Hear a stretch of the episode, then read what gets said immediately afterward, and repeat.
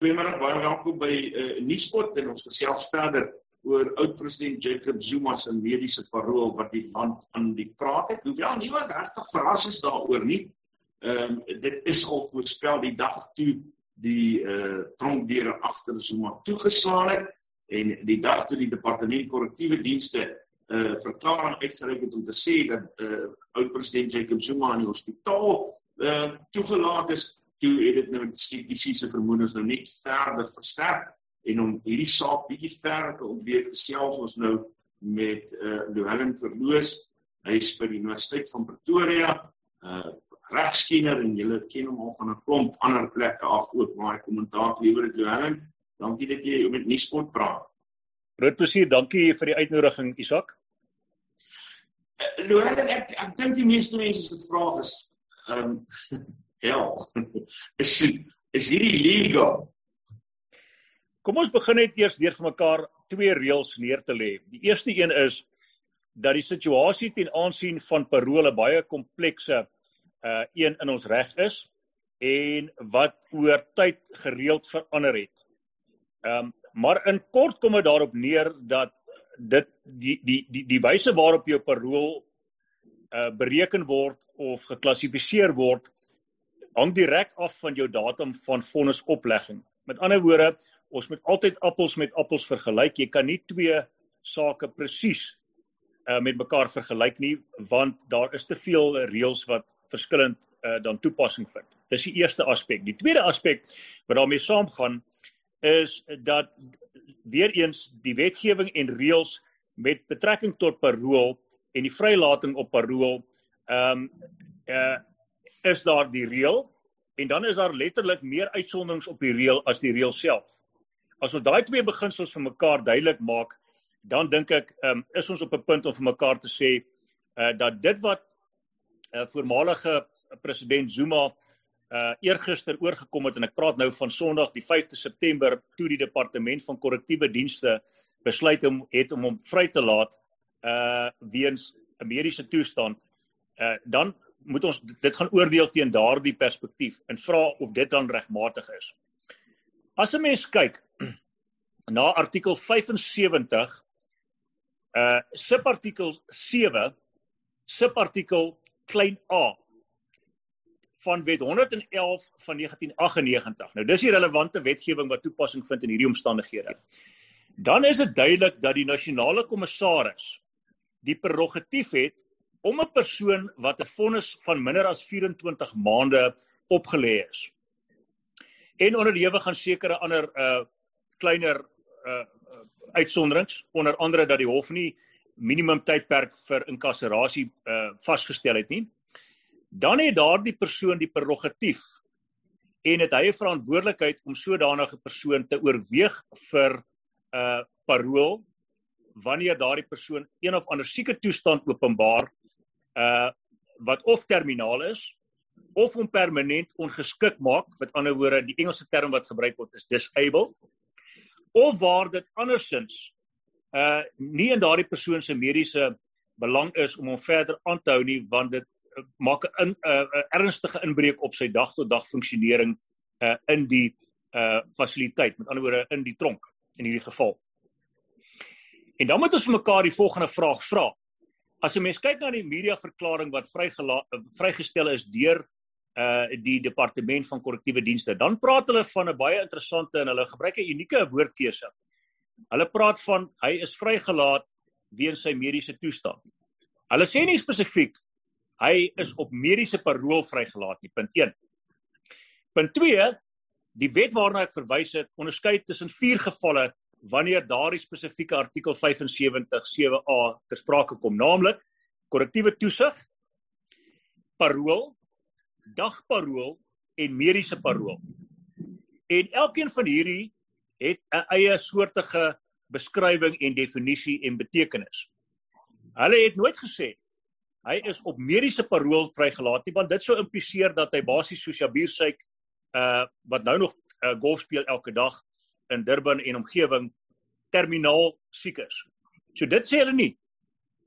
Hulle het gepraat van hy is vrygelaat op parol weens sy hmm. mediese toestand. So daar is wat miskien waar die uh diskrepansie inkom en miskien 'n bietjie van die onsekerheid wat ter sprake is. Maar as jy my vra, dan is die lang en die kort daarvan as 'n mens kyk na die res van daardie vereistes om 'n persoon op sodanige plasing te te te sit, uh is daardie persoon uh is hy 'n gevaar vir die samelewing? Wel ek dink nie in hierdie geval ons kan regtig waar vir mekaar eerlik sê dat 'n ou ou man soos uh, Jacob Zuma sodanige gevaar vir die samelewing is dat hy permanent verwyder moet word nie. Mm. Tweedens, uh kan hy geakkommodeer word in die stelsel van korrektiewe toesig en verseker kan hy want daardie stelsel is 'n sambreel mm. uh, sanksie wat letterlik ons en ons het al in die verlede oor hierdie sanksie opsie mm. gepraat. Letterlik 'n klomp ander moontlike kom ons dit mini sanksies as dit in gewoon doodgewone Afrikaans kan stel impliseer. En verseker kan hy geakkommodeer word in daai omstandighede. En dan is die derde groot vereiste natuurlik of hy moniteerbaar is. Met ander woorde, het die departement die vermoë uh om hulle personeel uit te stuur en van tyd tot tyd te sien dat hy dit nakom. En slegs hmm. dan sou hy een van daardie paroolvoorwaardes wat addisioneel deur die nasionale kommissaris opgelê kan word in terme van artikel 52 van dieselfde wet. Wanneer hy dit oorskry, kan hy weer gearresteer word en weer in hegtenis geneem word en die uh, oorblywende gedeelte van sy 15 maande tronkstraf uitdien. Andersins is hy nou uit en gaan hy uitbly tot met verstryking van die 15 maande. Maar die oorblywende 13 maande wat hy nog veronderstel is om in te bly, uh gaan nou net dood eenvoudig omskep word in korrektiewe toesig, so hy gaan onder huisarrest en ander uh verbandhoudende uh um kom ons noem dit dan voorwaardes uh wees vir die oorblywende tydperk. Uh en waarskynlik by 'n kant daar by sy woning. Hmm. Ja, en uh, daar is natuurlik die die die, die uh beginsel dat iemand se uh gesondheidstoestand 'n uh, 'n private saak is. Ons het dit al in 'n vorige gesprek met mekaar uitgemaak. Uh, my vraag is net wanneer die uh, departement korrektiewe dienste 'n uh, 'n verklaring uitreik wat sê dat 'n gevangene word vrygelaat as gevolg van sy mediese toestand. Is 'n mens nie dan veronderstel om daarom te weet wat is daai mediese toestand? Ehm um, nou nie in besonderhede nie, maar hmm. maar 'n idee te hê daarvan. Ja, ek ek ek dink hierdie is ook 'n baie pertinente vraag wat gereeld opkom in die onlangse uh tyd veral met die twee hofsaake wat gelyklopend aan die gang is. Hierdie kwessie, hierdie parool uh situasie wat heidaglik in terme van die grondwetlike skuldigbevinding 15 maande gevangenisstraf opgelê word en daarteenoor die Hooggeregshof uh saak wat een van die dae in Pietermaritzburg Hooggeregshof voortgesit word op die korrupsieklagtes. En dis belangrik om tussen hierdie twee te onderskei want daar's 'n wesenlike verskil in die twee. Kom ek probeer dit verduidelik. Die Hooggeregshof saak is 'n strafsaak waarin regter Piet Koen sekere bevele uitgereik het. Een van daardie bevele is dat die mediese sertifikaat wat op die vorige geleentheid ingehandig uh is dat dit geverifieer kan word deur die staat se eie mediese deskundiges. En daar kan een van twee dinge hier uit voorspruit. Uh Billy Downer en die staat se regspan kan natuurlik nadat hulle mediese uh, deskundiges dit geëvalueer het en hom uh, ondersoek het, tot dieselfde gevolgtrekking kom. En dan is dit dood eenvoudige geval van dat daar meriete was in die versoek om uitstel en dan gaan die saak waarskynlik eers voortgaan wanneer hy weer gesond genoeg is om aan te gaan met die aangeleentheid. En dit kan 'n ruk wees, uh verseker nie vir ewig nie want die regter gaan dit nie toelaat nie, want daar moet finaliteit kom in die saak.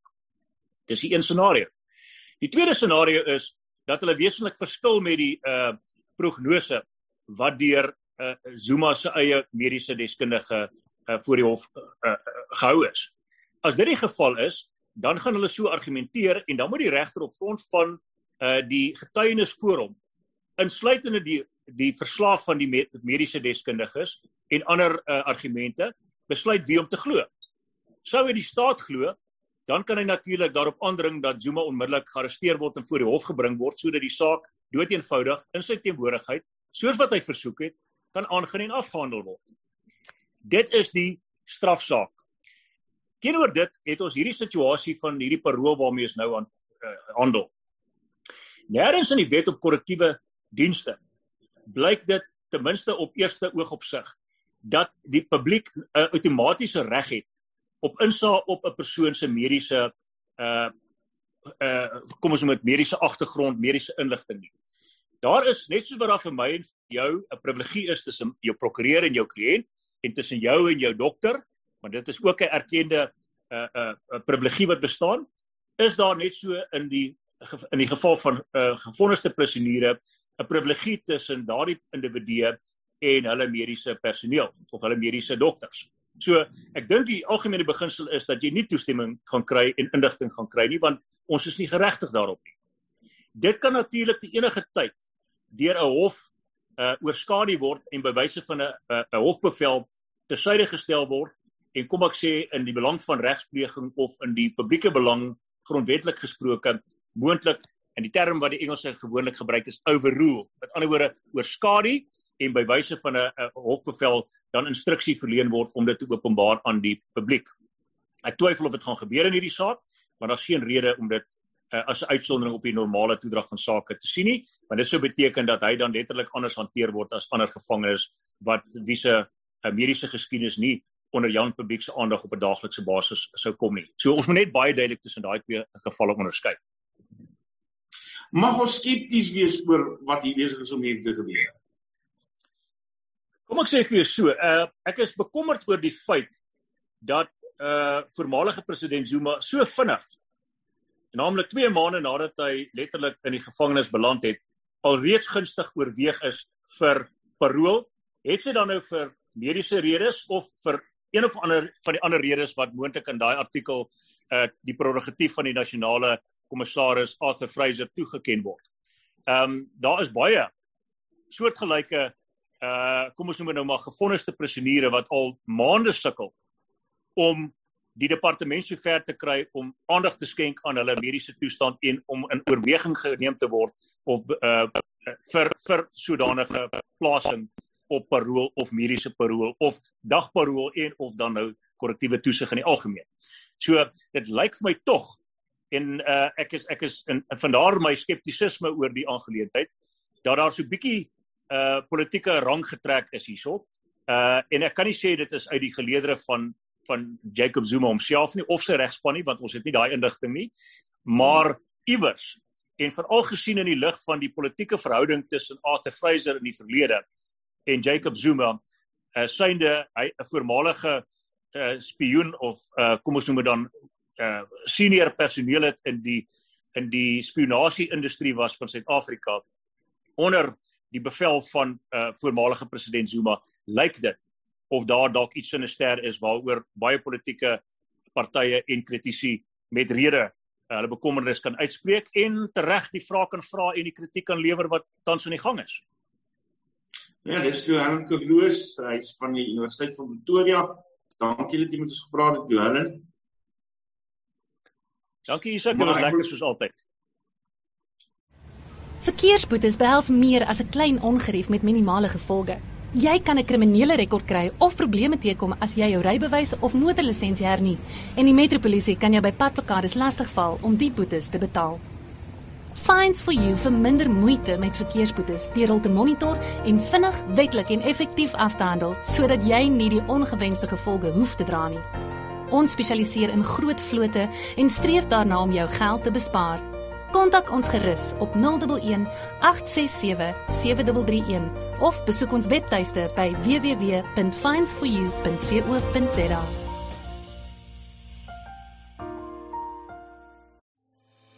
Nispod, onbevange, onbegrens, onbevooroordeeld.